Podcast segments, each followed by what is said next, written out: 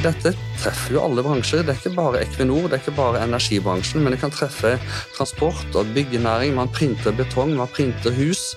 Eh, det kan gjelde Forsvaret, det kan gjelde havbruk. Så det å kunne se dette på tvers, og hvis du først bygger ut eh, kompetanse og kapasitet innenfor dette, så kan du levere til alle bransjer, mm. så lenge du har riktig kvalitet. Velkommen til en ny episode av I loopen, podkasten som gir deg inspirasjon og læring for å holde deg i loopen på jobb.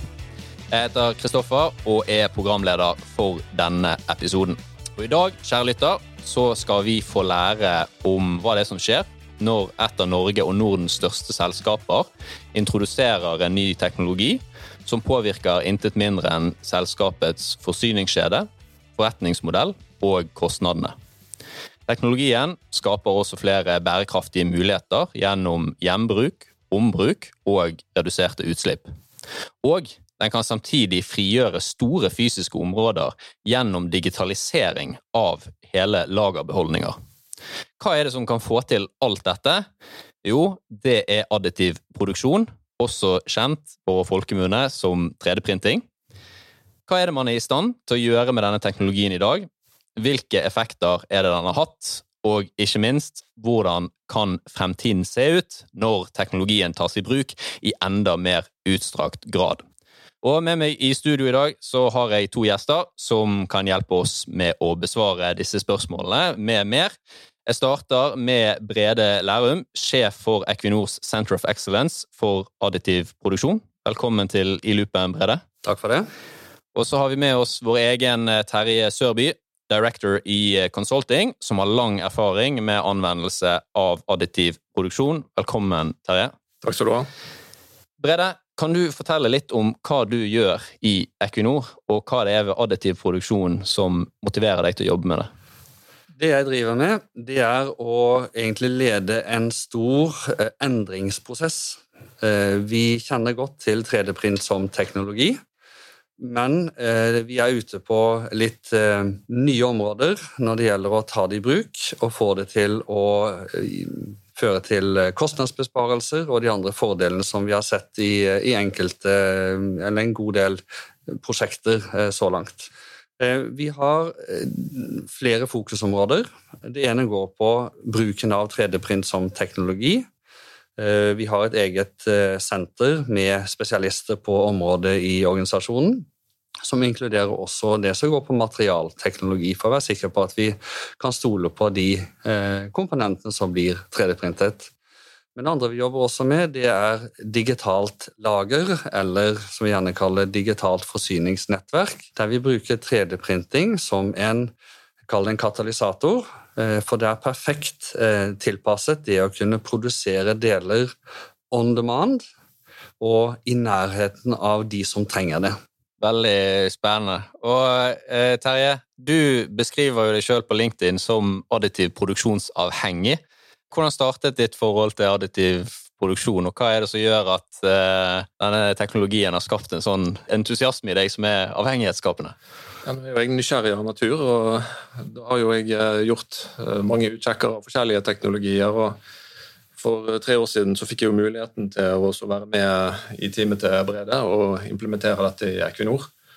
Og nå jobber vi jo bredt i industrien for øvrig for å gjøre flere industrier oppmerksom på mulighetene som ligger innen denne teknologien, og hvilke effekter han kan gi i form av eh, verdi, verdiuttak i både vedlikeholdsfunksjonen, men også i forsyningskjedene generelt sett. Dette er jo eh, en teknologi som eh, mange kanskje har tenkt på som, eller blitt introdusert til som en litt sånn kuriositet, hvor man gjerne kjenner noen som har en 3D-printer hjemme som kanskje printer litt sånn kule figurer. Men uansett hvor fremtidsrettet 3D-printing er, så jeg har jeg skjønt at du kan spore det tilbake igjen til 1980-tallet. Og en amerikaner som patenterte metoden den gang, som jeg har skjønt at den patenten har jo gått ut. Eh, men at dette er jo en teknologi som har vært eh, rundt oss eh, en god stund. Så der kanskje du bare prøve å beskrive for lytterne hva additiv produksjon er for noe? Jo, det vi sier er jo at 3D-print-teknologien den er i teorien 80 år gammel. I praksis ca. 40 år gammel, og allikevel så føles den som ny i dag. Og Det gjør det jo hele veldig spennende. Og som du nevnte, så er det jo et patent fra tidlig 80-tallet som heter Fused Deposition Modeling, som de fleste kjenner til fra disse hobbyprinterne sine, så du kan kjøpe på ja, Klasse Olsson, som printer en 3D-modell lag for lag ved hjelp av en plasttråd som smeltes over et objekt ut ifra en digital modell. Mm.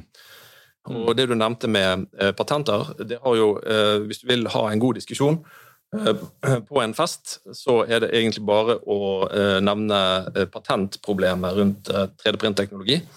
Og da vil umiddelbart publikum dele seg i to. Da har du de som mener at patenter er et si, hemmende for utviklingen. Og så mm. har du de som mener at patenter er årsaken til at vi har fått et så stort utvalg av teknologier i dag. Og Grunnen til at eh, den siste skolen eh, kan ha rett med at patenter kan ha virket positivt på innovasjon innenfor 3D-printteknologi, det er at for å unngå en patentert løsning, så må de være innovative i en ny tilvirkningsform. Og Det ser vi som eksempel på patentert pulversengteknologi, som er vanlig innenfor metallprint, der du nå har teknologier som blåser pulver inn i en laserstråle istedenfor for å omgå patentet. Og Dette har gjort at vi har fått et mye bredere anvendelsesområde industrielt.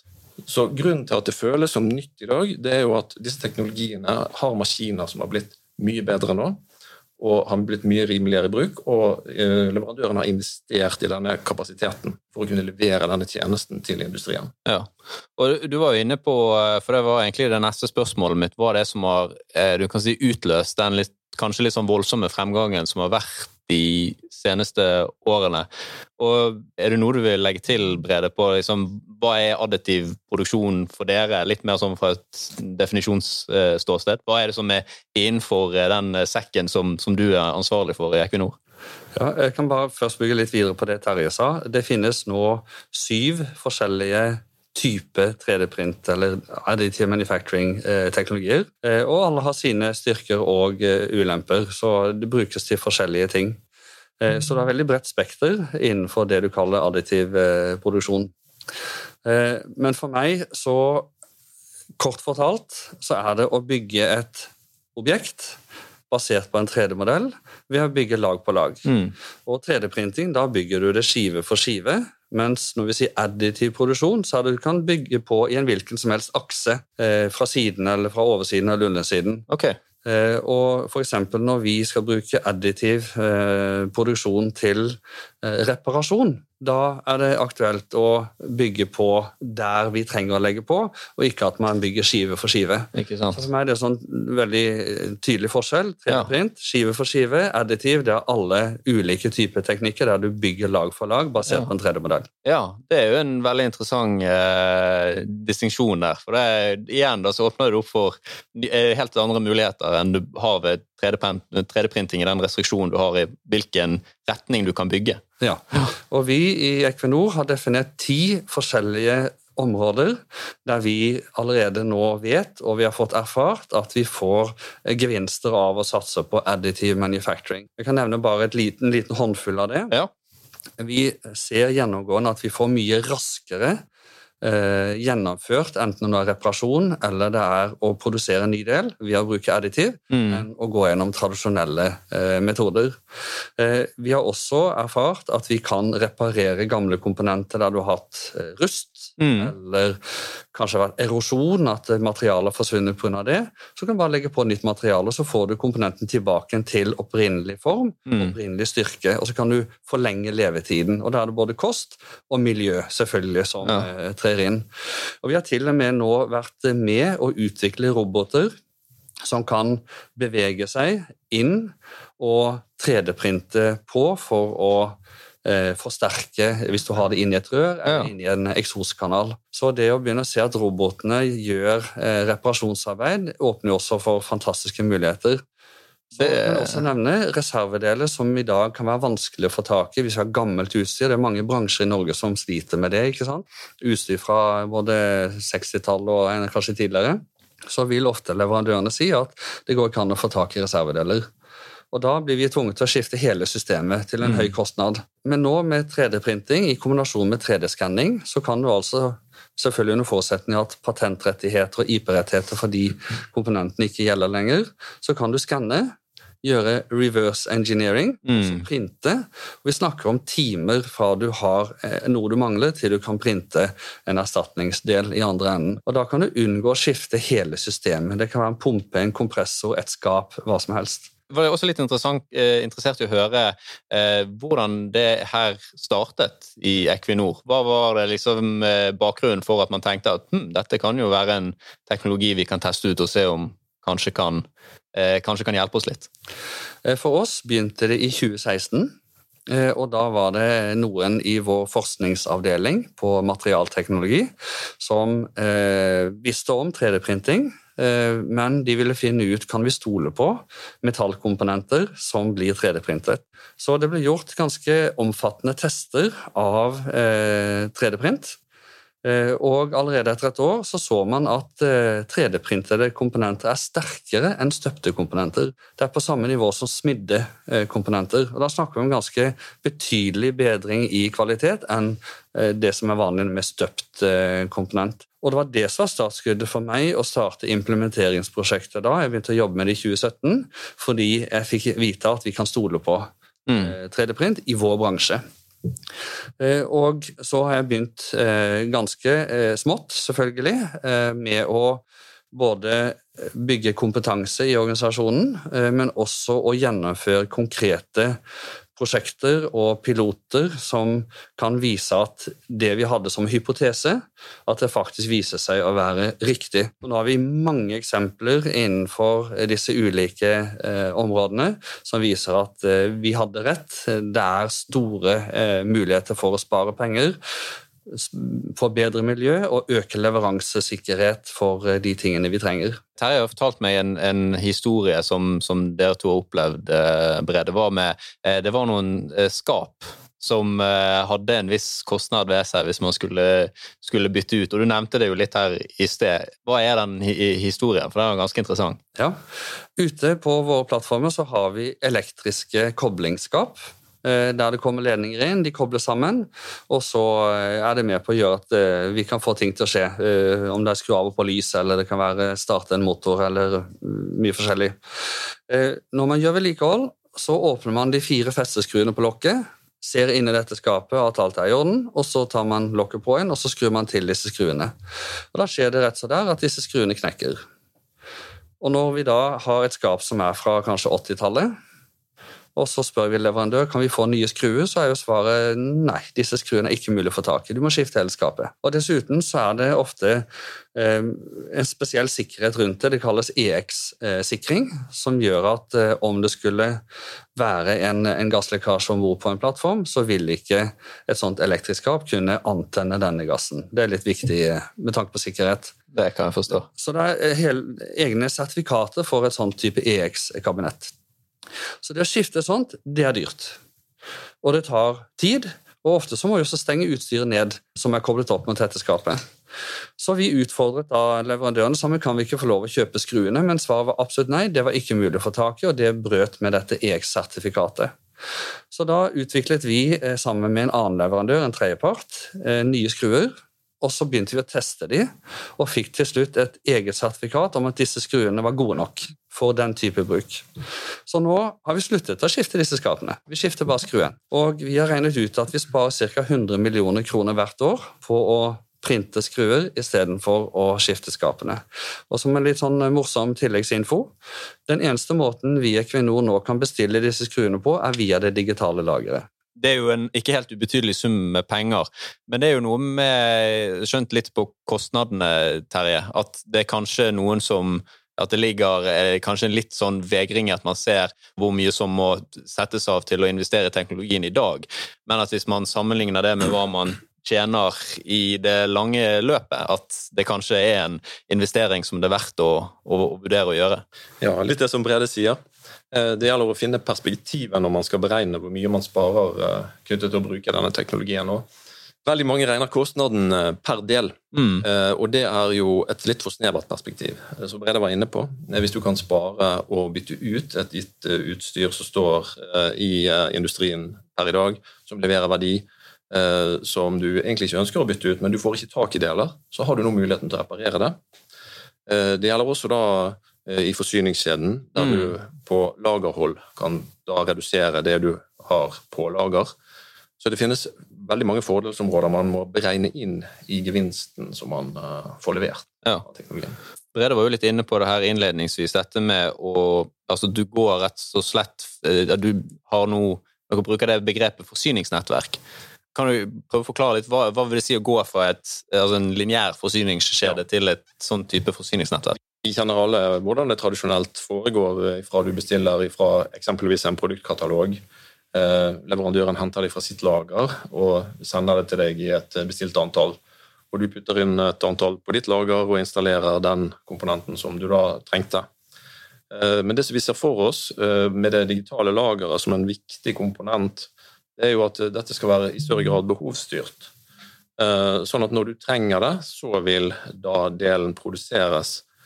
Og Vi ser også da med det digitale forsyningsnettet at sammenkoblingen mellom forretningsmodellene eh, fra de operatørene som bruker delen, men også fra de som skal levere tjenester opp mot den delen, de kan ha større spesialisering. Det kan f.eks. da være selve produksjonen, men det, i forkant av det så er det de som designer delen. Eh, Det kan være de som verifiserer designet, sånn at du har designet det helt riktig etter de fordelene som 3D-print gir. Det er en egen kompetanse. Eh, Det kan være verifikasjon av delen etter kritikalitet. Eh, Det kan også være dette med presisjonslogistikkprodukter, at du skal være sikker på at delen når fram til riktig sted og avtalt, til avtalt tid. Eh, Og Der ser vi også da dette med at vi kan koble nye teknologier inn mot 3D-print og det digitale lageret, og det kan være seg dronesatsing. Og det kan være, som Brede har nevnt tidligere her, eh, roboter. Mm. Satsing på å bringe reparasjonsmetoden ut til der problemet er. Sånn at eh, Det digitale forsyningsnettet det gir nå store muligheter for leverandørindustrien å investere og koble seg på med de tjenestene der som de er best. Jeg har lyst til å eh, dykke litt ned også i det her med disse digitale lagene, Brede. For jeg syns å ha lest at Equinor har er ganske mye deler liggende på lager, og at nærmere 80 av de kanskje aldri kommer til å bli brukt. Det digitale lageret, hva er det for noe, og hvilke muligheter litt sånn, Terje har jo vært inne på det her nå, men hvilke muligheter er det dere ser med å gå fra et fysisk til et digitalt lager? Det kan jeg si mye om. Men det er helt riktig som du sier. I Equinor så har vi gjennom alle disse årene vi har holdt på med aktivitet i Nordsjøen, bygget opp fysisk lager med en verdi på ca. 27 milliarder kroner.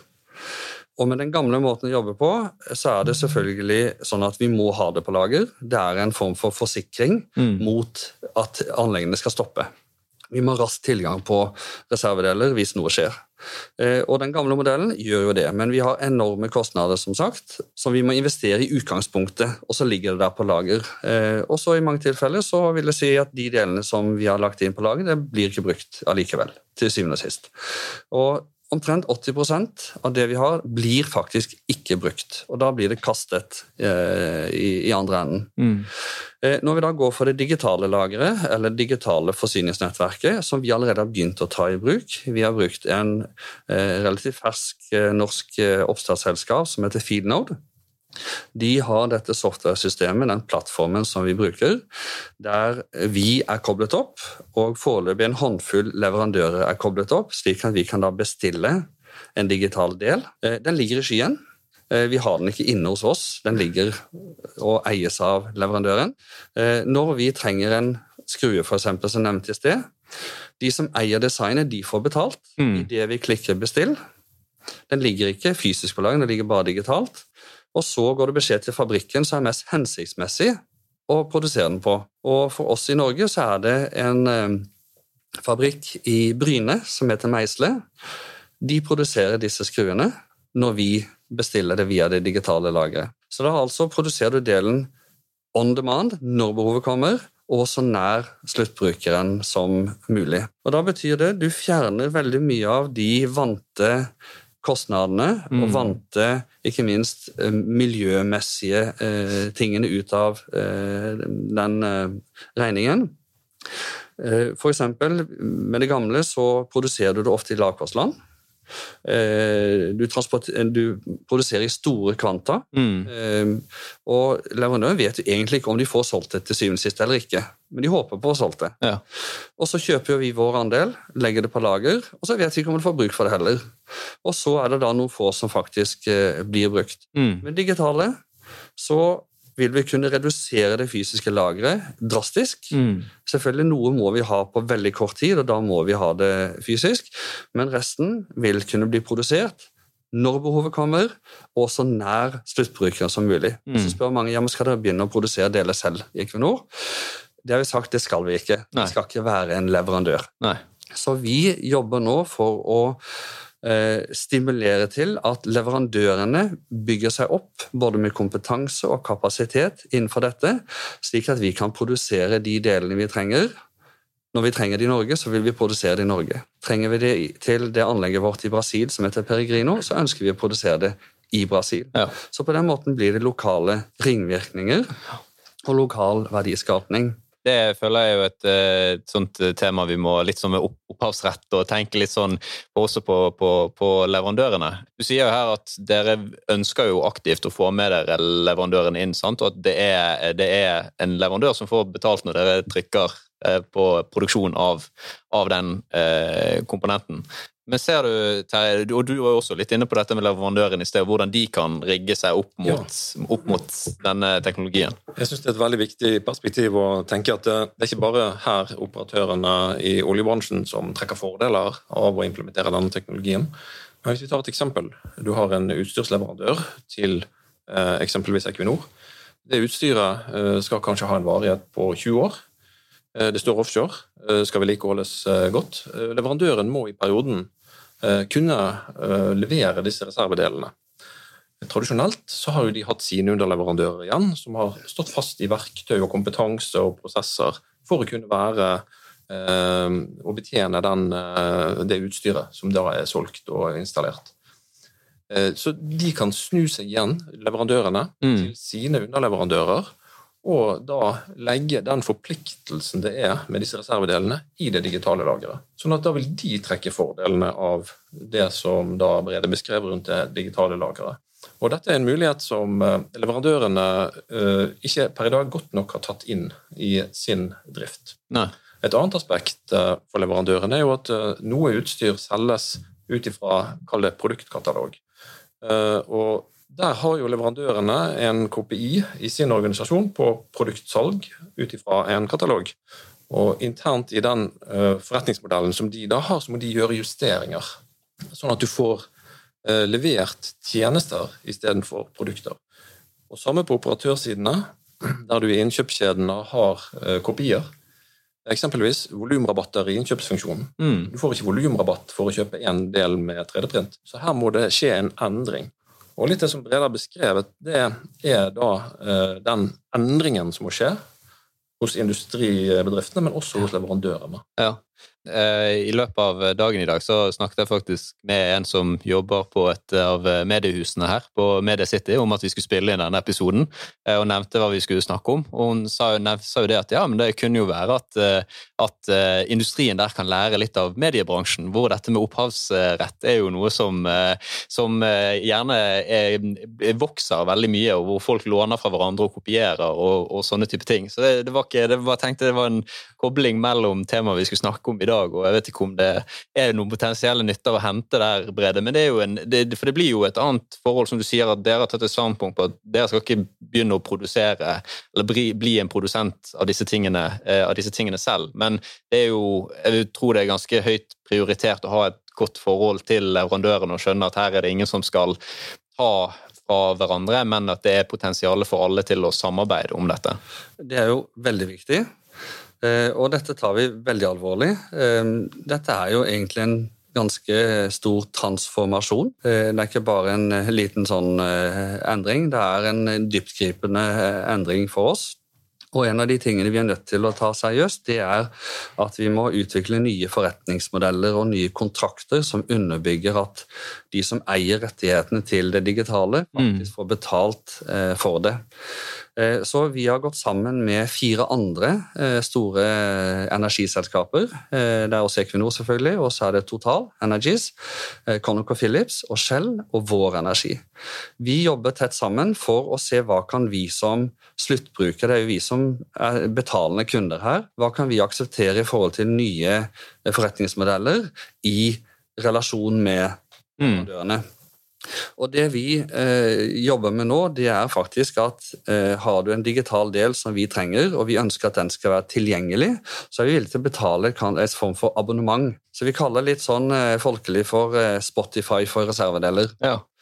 Eh, så da har du abonnement, men så kan du gjerne legge på en betaling når vi bestiller den fysiske produksjonen i mm. tillegg. Så da må vi betale både de som eier rettighetene, og de som produserer den.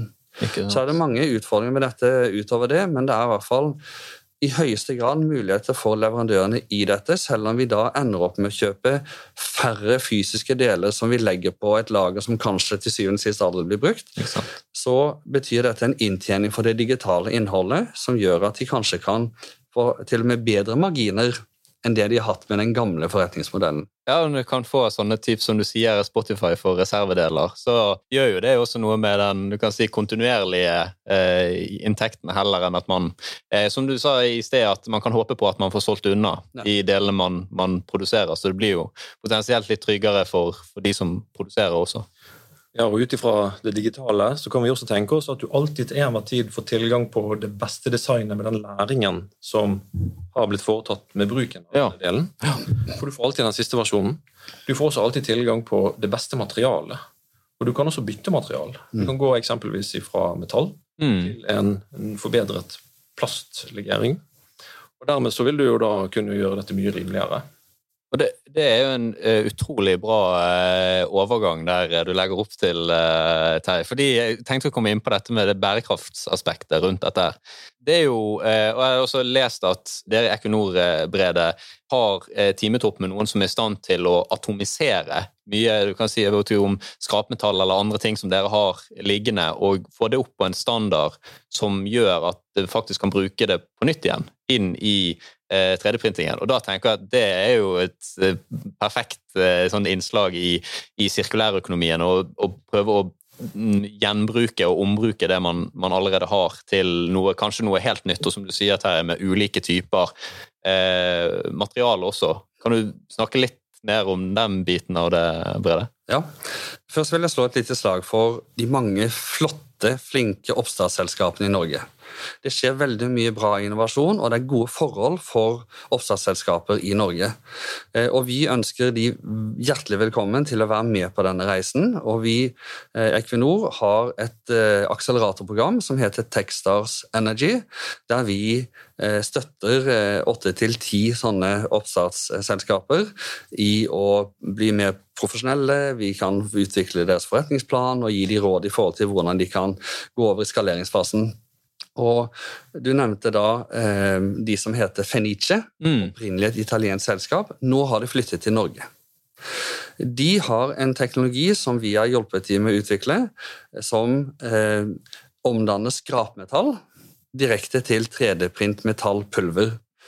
Det betyr at vi kan ta, eh, når vi nå, eh, nå eh, demonterer Veslefrikk-plattformen, så kan vi sortere de komponentene i ulike materialtyper.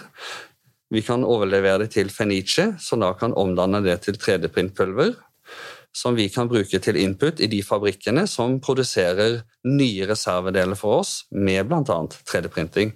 Dette har vi prøvd allerede. Eh, på Stord eh, så har vi leid inn en eh, container eller egentlig er det en mobil mikrofabrikk fra et firma som heter Feelmade, et oppstartsselskap i ja. ikke så lenge siden. Ja.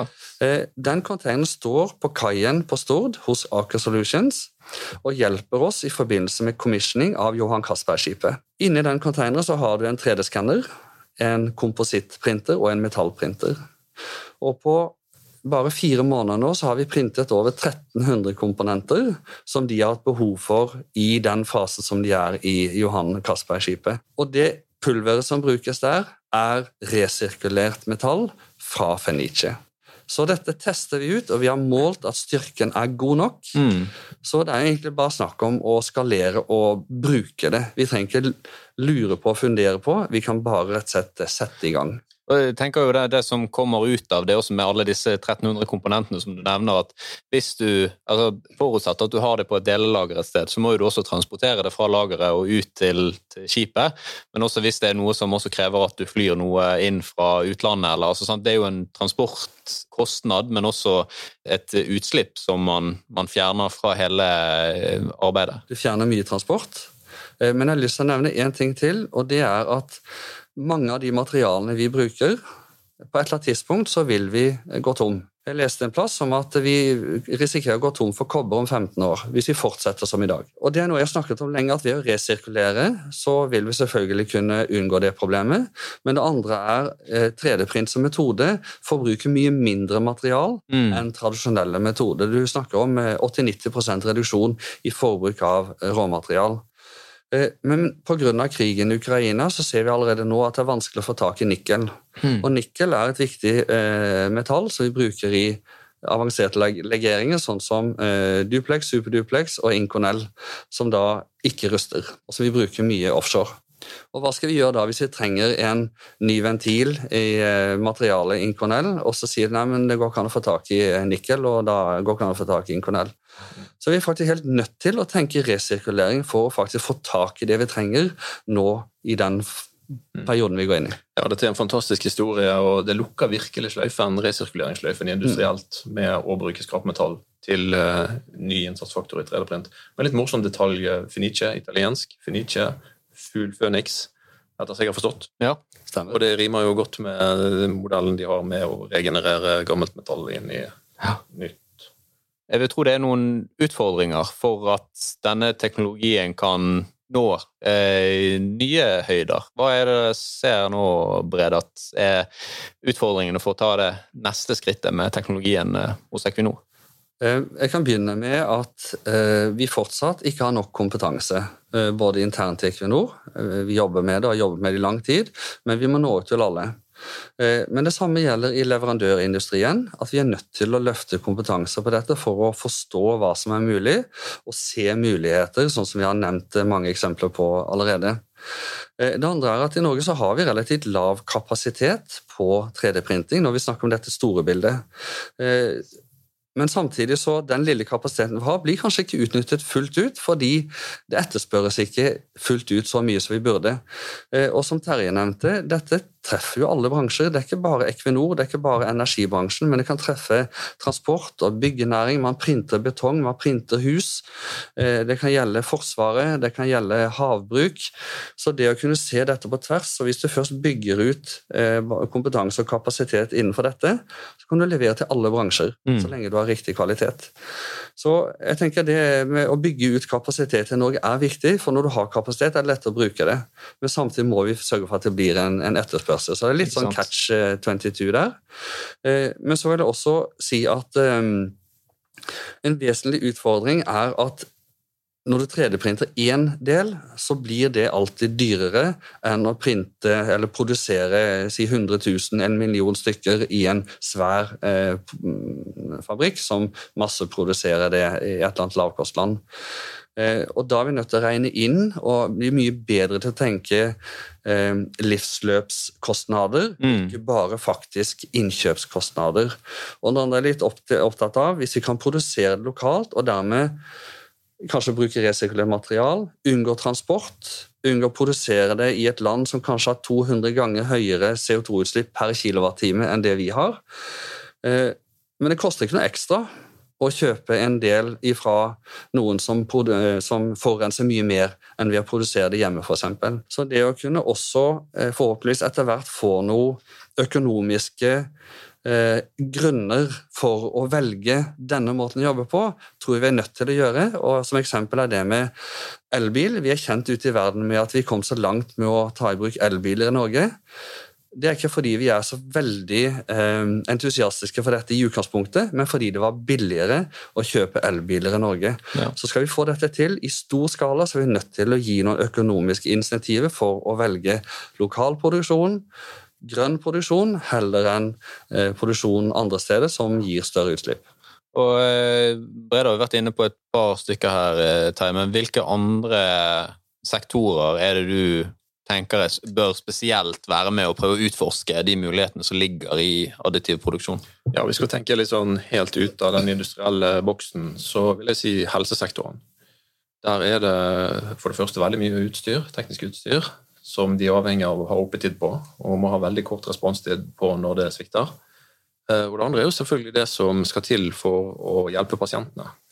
Der ser vi jo at kirurgene har vært veldig flinke å ta i bruk dette, både for å øve seg på, men også nå har det kommet legeringer som gjør at det er mulig å sette inn i pasienten. Så ser vi også da tannhelse- og tannlegeindustrien på reguleringer. De har også da brukt 3D-printing både i form av printe tenner, men også å printe eh, da sånne eh, tannreguleringsskinner som du kan få på postordre, og drive tannregulering hjemmefra. Så her er det forretningsmuligheter for de som er oppfinnsomme. Ja, hvilke uutforskede sider er det ved additiv produksjon som for Du har jo snakket mye Brede, om disse startup-selskapene som gjør noe innovativt eh, rundt et eh, hittil uoppdaget aspekt ved additiv produksjon. Hva er det jeg tenker er litt sånn Dette her burde kanskje noen ta og se litt eh, nøyere på? Det er en ting som vi ikke har snakket så mye om ennå. Det er den enorme fleksibiliteten du har i designfasen. Du kan designe komponenter som er mye mye mer komplekse enn ved tradisjonell produksjon. Du kan faktisk designe ting som ikke er mulig å produsere med tradisjonell produksjon. Og Det kan vi da eh, få igjen ved at vi kan redusere vekt. Vi har gode eksempler allerede på at vi kan redusere vekt med mellom 60 og 80 Tenk hva det vil bidra til. Eller du kan gjøre det motsatt, at du øker styrke på noe, men beholder samme vekt. Eh, du kan også gjøre eh, f.eks. Eh, turbiner mer effektive, og altså redusere energiforbruk, redusere CO2-utslipp og NOx-utslipp. Du kan gjøre pumper mer effektive. Da har vi sett vi kan redusere som jeg sa, energi, CO2, men også faktisk redusere støy og vibrasjon. Så det er en enorm mulighet for flinke folk som ønsker å få til noe med å forbedre design i forhold til det vi har sett tidligere. Hva med deg, Terje? Ja, nå har vi heldigvis fått drahjelp av forståelsen av chat-GPT, som ja. det stort sett har prøvd. Og innenfor eh, design, innenfor 3D-print, så er det jo noe som heter generativ eh, design. Og det er eh, å designe en del ut ifra å kun spesifisere hvilke styrker og kontaktpunkter du vil ha fra den delen. Og så bestemmer kunstig intelligens hvordan denne geometrien skal se ut ut ifra kraftoverføring og kontaktflater. Og Tidligere så var jo det sant, Vi måtte jo forklare generativ design. Du bygger dette her opp mer enn å bestemme en geometri. Eh, men nå etter ChatGPT så begynner folk å forstå kraften i kunstig intelligens, og det er mye enklere å forklare. Kult. Det var igjen et, eh, et aspekt av det her jeg ikke hadde tenkt på. Så jeg har lyst til å legge til at eh, Mange ser fortsatt på 3D-printing som muligheten for å printe små dippedutter og små dingser. Eh, den største komponenten vi har printet, selvfølgelig sammen med leverandører, den er tre meter i diameter og tre tonn i stål og Inconel og er installert på Nornefeltet. Så det er egentlig veldig få begrensninger i forhold til eh, størrelse og materialvalg når det gjelder 3D-printing. Ja, jeg vet ikke med de som lytter på, men jeg føler meg i hvert fall litt eh, frelst rundt eh, konseptet med additiv produksjon. Og jeg håper at du som lytter har fått mye ny kunnskap og interesse for additiv produksjon, du også. Hvis du syns dette var interessant, så del og fortell gjerne om episoden til noen du kjenner. Og kom gjerne tilbake med tilbakemeldinger til oss. Eller om noen, du har noen innspill til temaer som du ønsker at vi skal ta opp. Jeg vil si tusen takk til Brede og Terje for at dere ble med og delte av deres eh, kunnskap og refleksjoner og erfaringer sammen med oss. Og så vil jeg si tusen takk til deg som lytter. Vi høres.